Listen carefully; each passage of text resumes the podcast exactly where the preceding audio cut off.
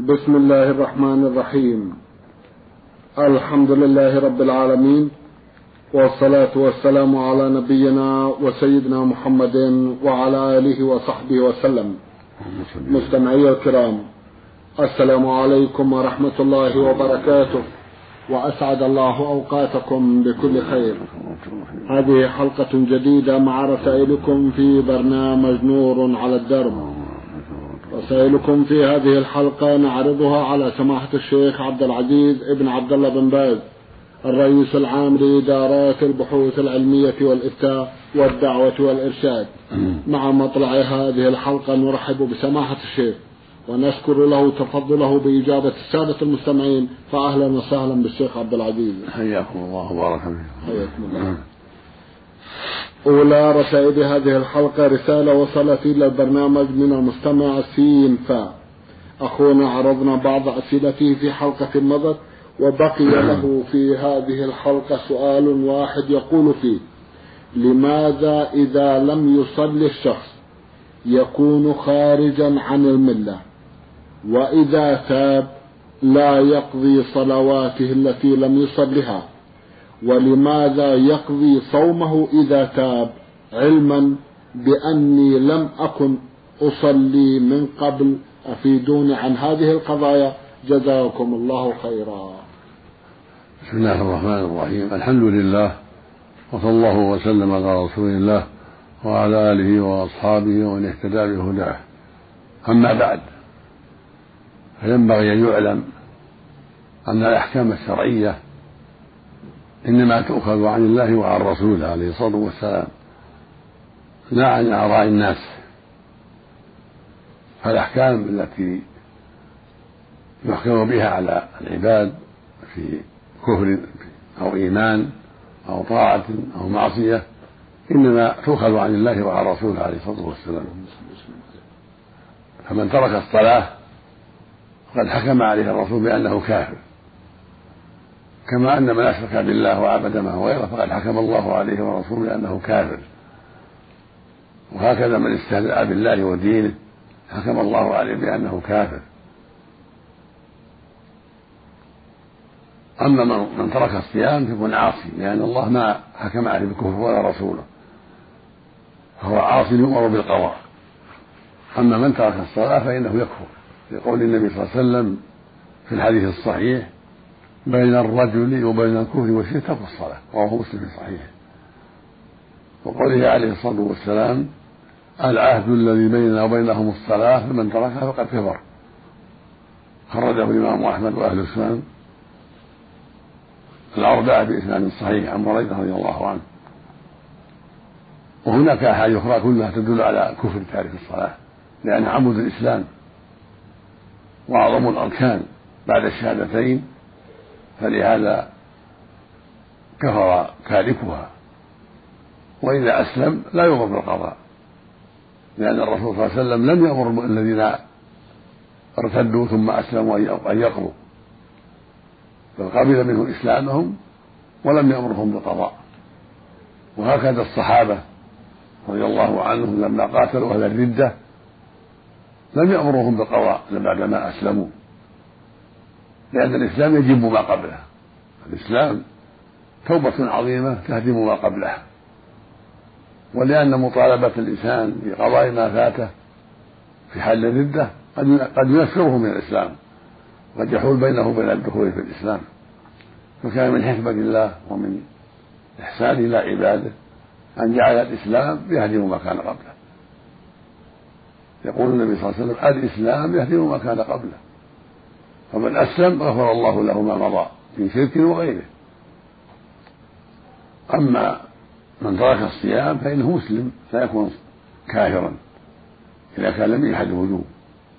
إذا كان ما جحد وجوب صوم رمضان بل يعلم أنه واجب عليه ولكن تكاسل فأفطر في بعض الأحيان هذا يكون عاصيا وعليه القضاء والتوبة إلى الله سبحانه وتعالى.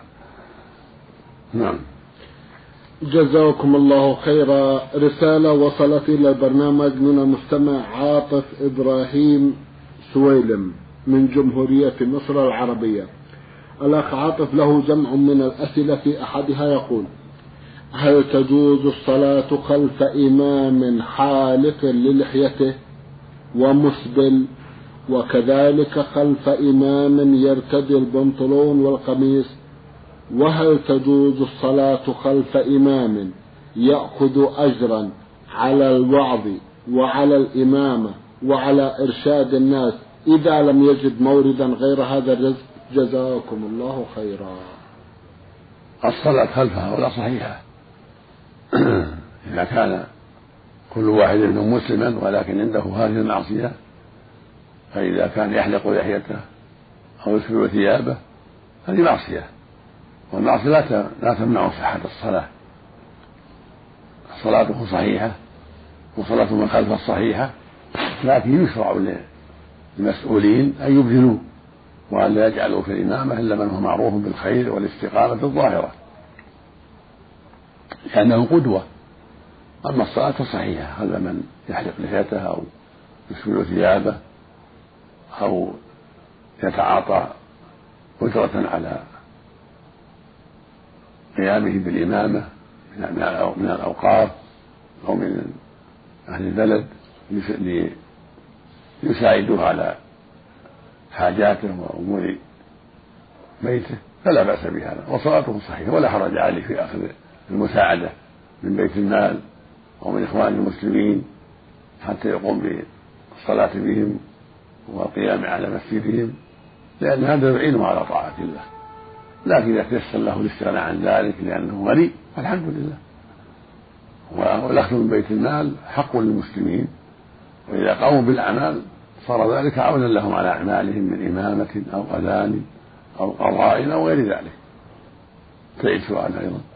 يقول هل تجوز الصلاة خلف إمام حالق للحيته ومسبل؟ وكذلك خلف إمام يرتدي البنطلون والقميص.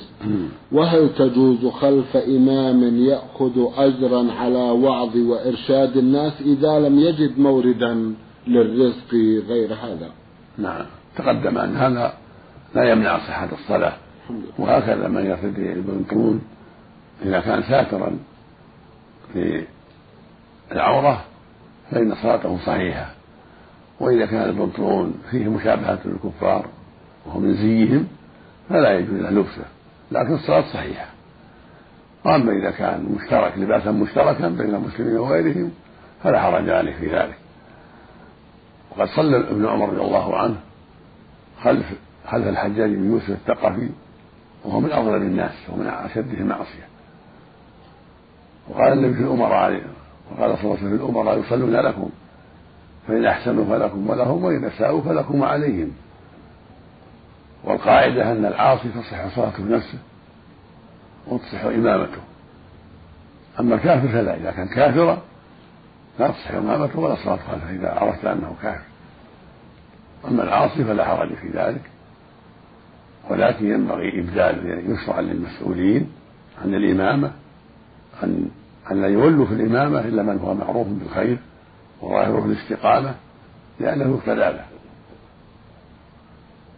ولا يولى من ظاهره المعصية من حلق اللحى أو الإسباب ونحو ذلك. والواجب نصيحة من فعل ذلك.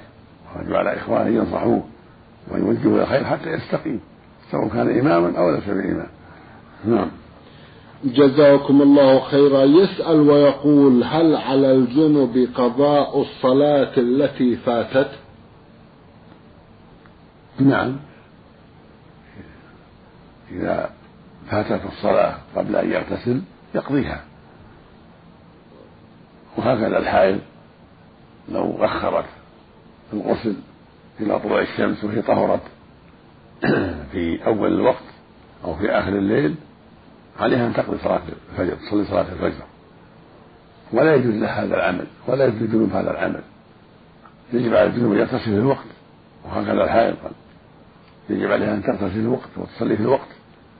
لكن لو أخر أثم عليه أثم بهذا وعليهم التوبة مع فعل الصلاة. نعم.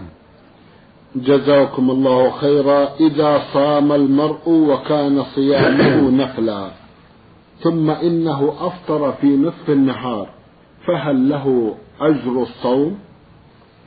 له أجر ما صام إذا حد إفطاره لأن المتنفل له أن يفطر. فله أجر ما صام إلى حد الإفطار. نعم. جزاكم الله خيرا. حدثونا لو تكرمتم عن حكم الإسلام في اللحية. هل هي فرض كما يقول بعض الناس؟ نعم. نعم. إعفاء اللحية وتوفيرها وإرخاؤها فرض. هذا الذي دلت عليه سنة رسول الله عليه الصلاة والسلام. يقول النبي صلى الله عليه وسلم قصوا الشوارب اللحى خالف المشركين. ويقول عليه الصلاة والسلام قصوا الشوارب ووفروا اللحى خالف المشركين. ويقول أيضا عليه الصلاة والسلام جزوا الشوارب وأرخوا اللحى خالف المجوس. وكلها حديث صحيحة عن رسول الله عليه الصلاة والسلام. وقد حكى أبو محمد بن حزم الإمام المشهور الظاهري قالت حكى إجماع أهل العلم. على أن إعفاء اللحية وقص الشارب فرض قال اتفق العلماء على أن قص الشارب وإعفاء اللحية فرض. نعم. جزاكم الله خيرا. المستمع محمد عيد ناصر سمحان القحطاني من تثليث بعث رسالة ضمنها جمعا من الأسئلة. في أحدها يقول هناك بعض الناس يقولون وحياة النبي أثناء كلامهم فهل هذا جائز أو لا؟ جزاكم الله خيرا. الحلف بغير الله لا يجوز لا بالأنبياء ولا بغيرهم. عند أهل العلم بل عند جميع أهل العلم.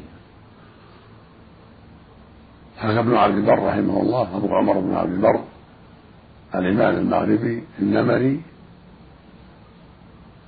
حكى إجماع أهل العلم على أن إعفاء اللحية أي سؤاله أي سؤاله يقول هناك بعض الناس يقولون وحياة النبي أثناء كلامهم.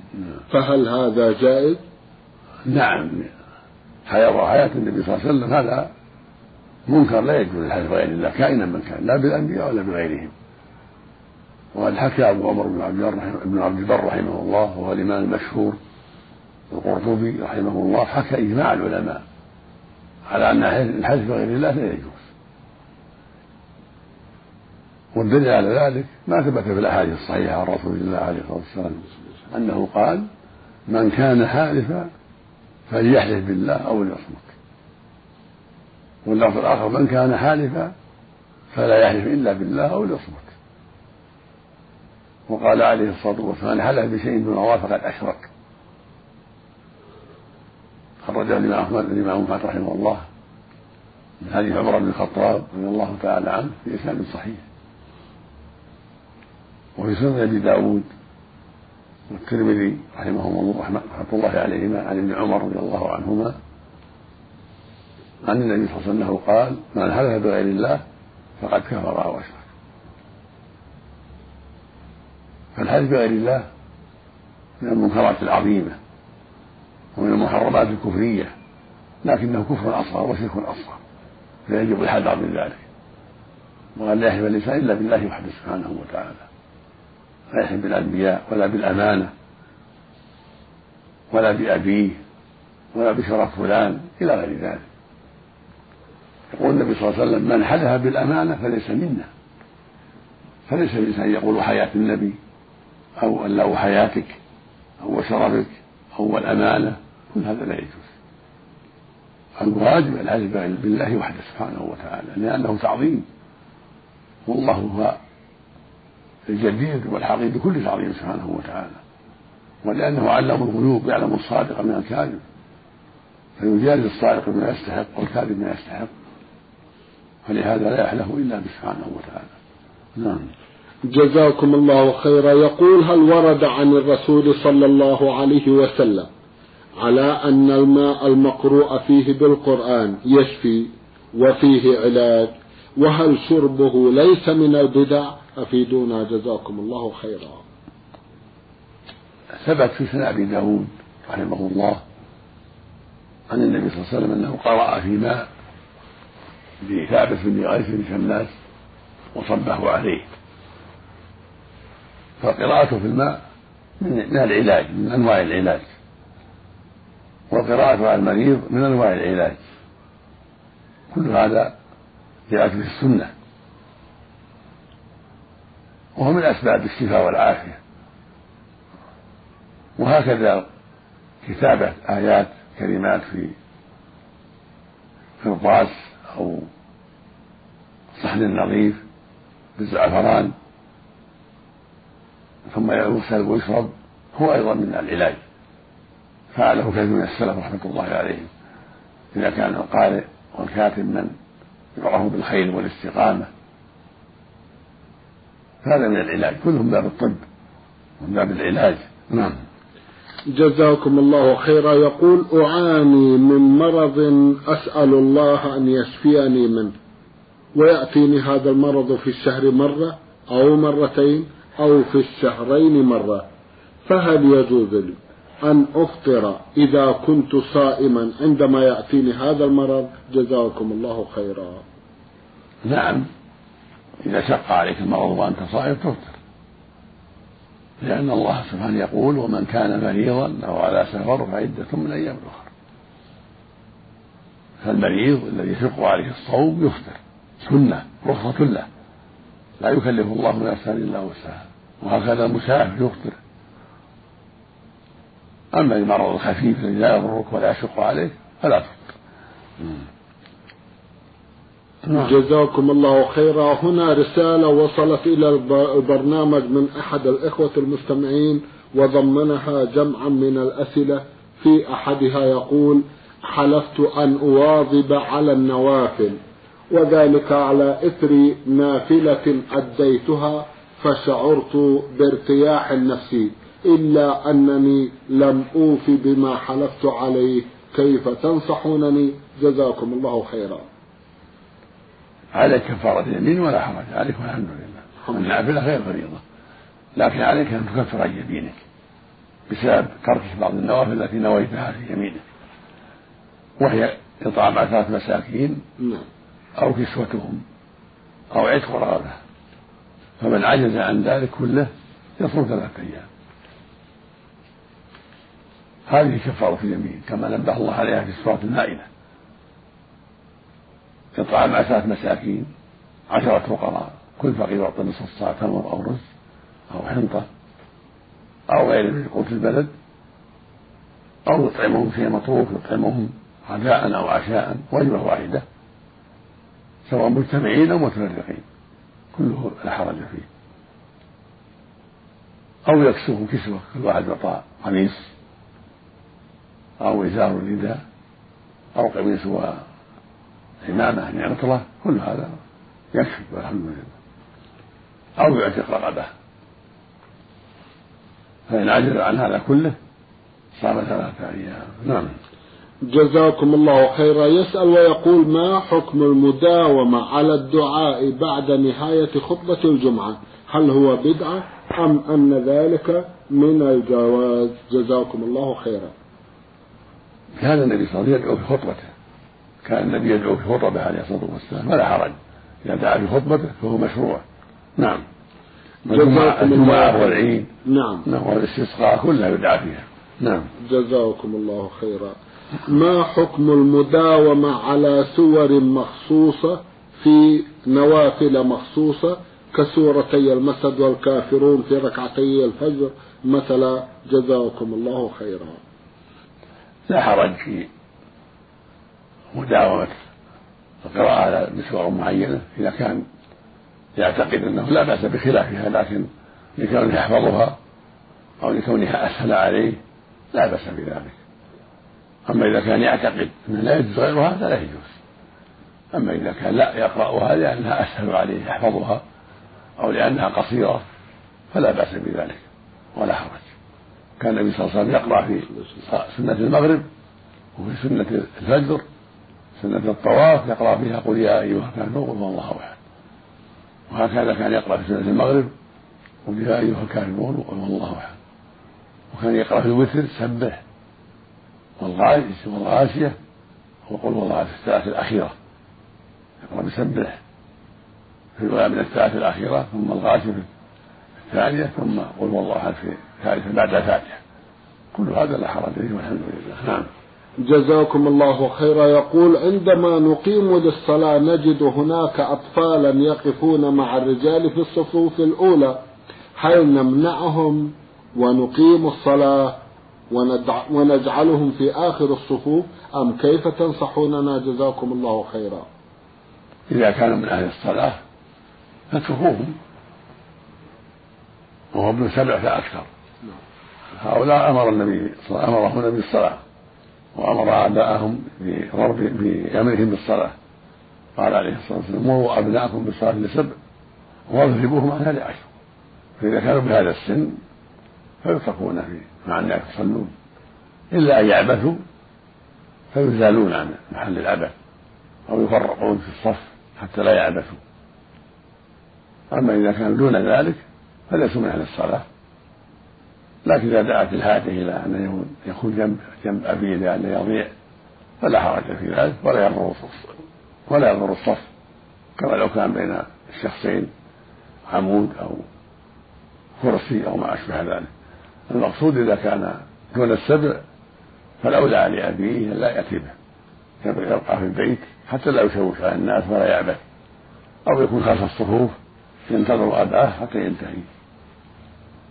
فإن خاف عليه وجعله مما يليه فلا حرج في ذلك إن شاء الله إذا كان لا يعبث ولا يؤذي أحدا جزاكم الله خيرا. ما حكم الإسبال في الكم؟ هل هو حرام أم مكروه؟ وإذا كان مكروها وأسبل هل يكون آثم؟ لا أعلم في ذلك حرجا إلا أن الأفضل أن يكون إلى الرفق الأفضل أن يكون إلى الرفق كما روي عن النبي صلى الله عليه وسلم كان أنه كان قميص إلى الرفق ولو زاد على ذلك لا يضر. لا أعلم فيه بأسا ولا نهيا عن النبي عليه الصلاة والسلام. نعم. جزاكم الله خيرا. نرجو أن توضحوا لنا كيفية النهوض من سجود السهو. هل يعتمد على ركبتيه أم على يديه؟ مثل النهوض من سجود الصلاة سواء بسواء الأفضل على ركبتيه إذا كان قادرا وإن كان عاجزا أو مريضا نهض على يده لا بأس. أما إذا كان صحيحا فالأفضل على ركبتيه.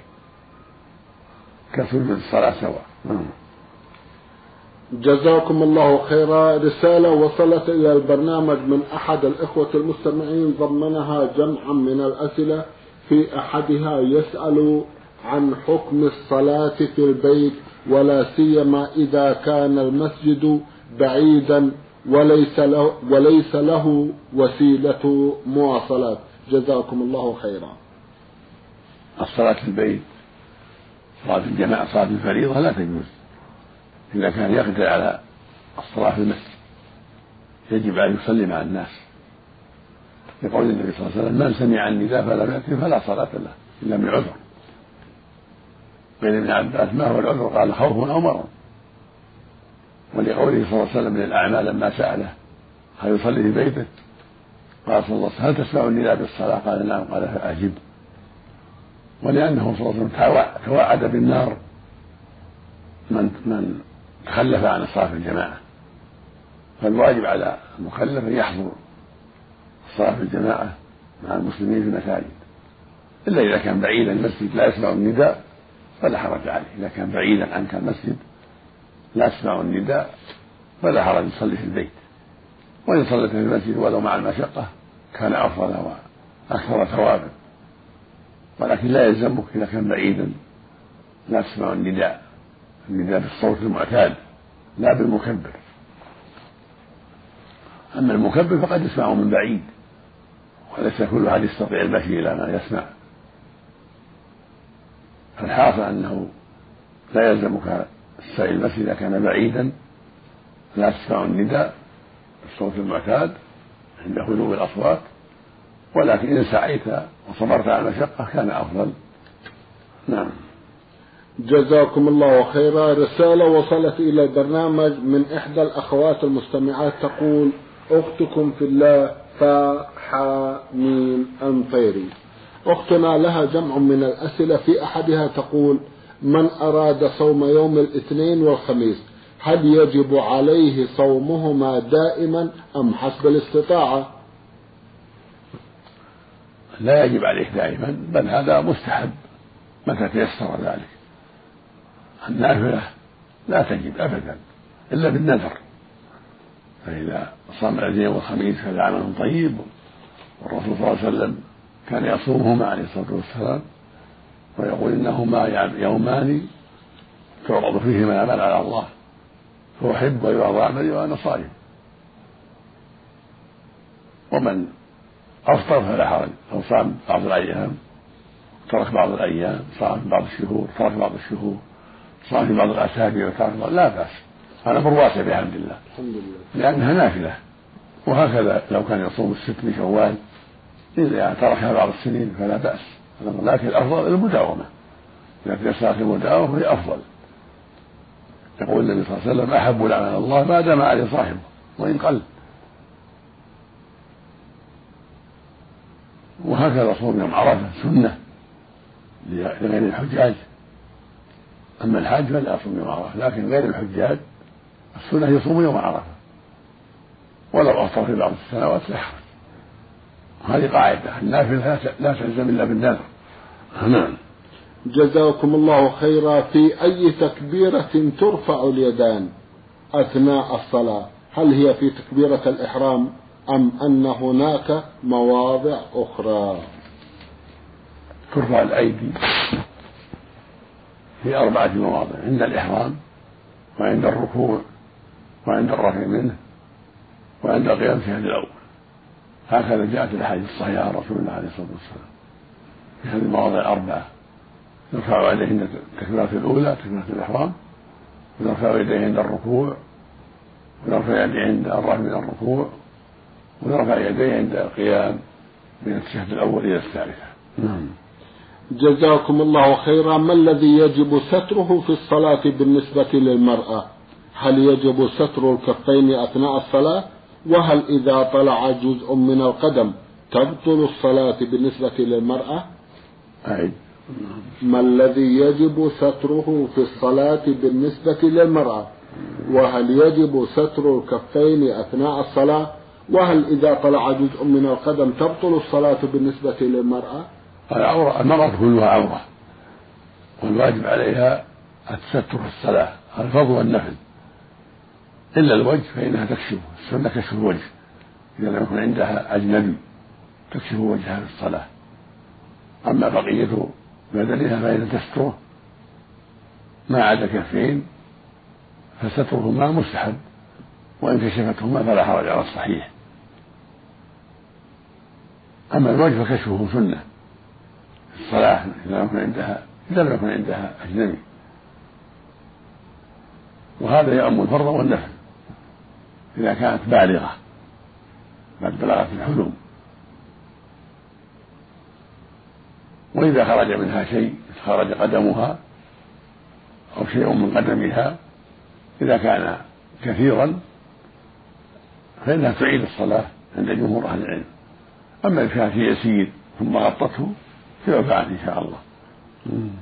جزاكم الله خيرا. سماحة الشيخ في ختام هذا اللقاء أتوجه لكم بالشكر الجزيل بعد شكر الله سبحانه وتعالى على تفضلكم بإجابة السادة المستمعين وآمل أن يتجدد اللقاء وأنتم على خير. نرجو ذلك اللهم آمين. مستمعي الكرام كان لقاؤنا في هذه الحلقة مع سماحة الشيخ عبد العزيز ابن عبد الله بن باز. الرئيس العام لإدارات البحوث العلمية والإفتاء والدعوة والإرشاد. شكرا لسماحته. وأنتم يا مستمعي الكرام شكرا لحسن متابعتكم. وإلى الملتقى. وسلام الله عليكم ورحمته وبركاته.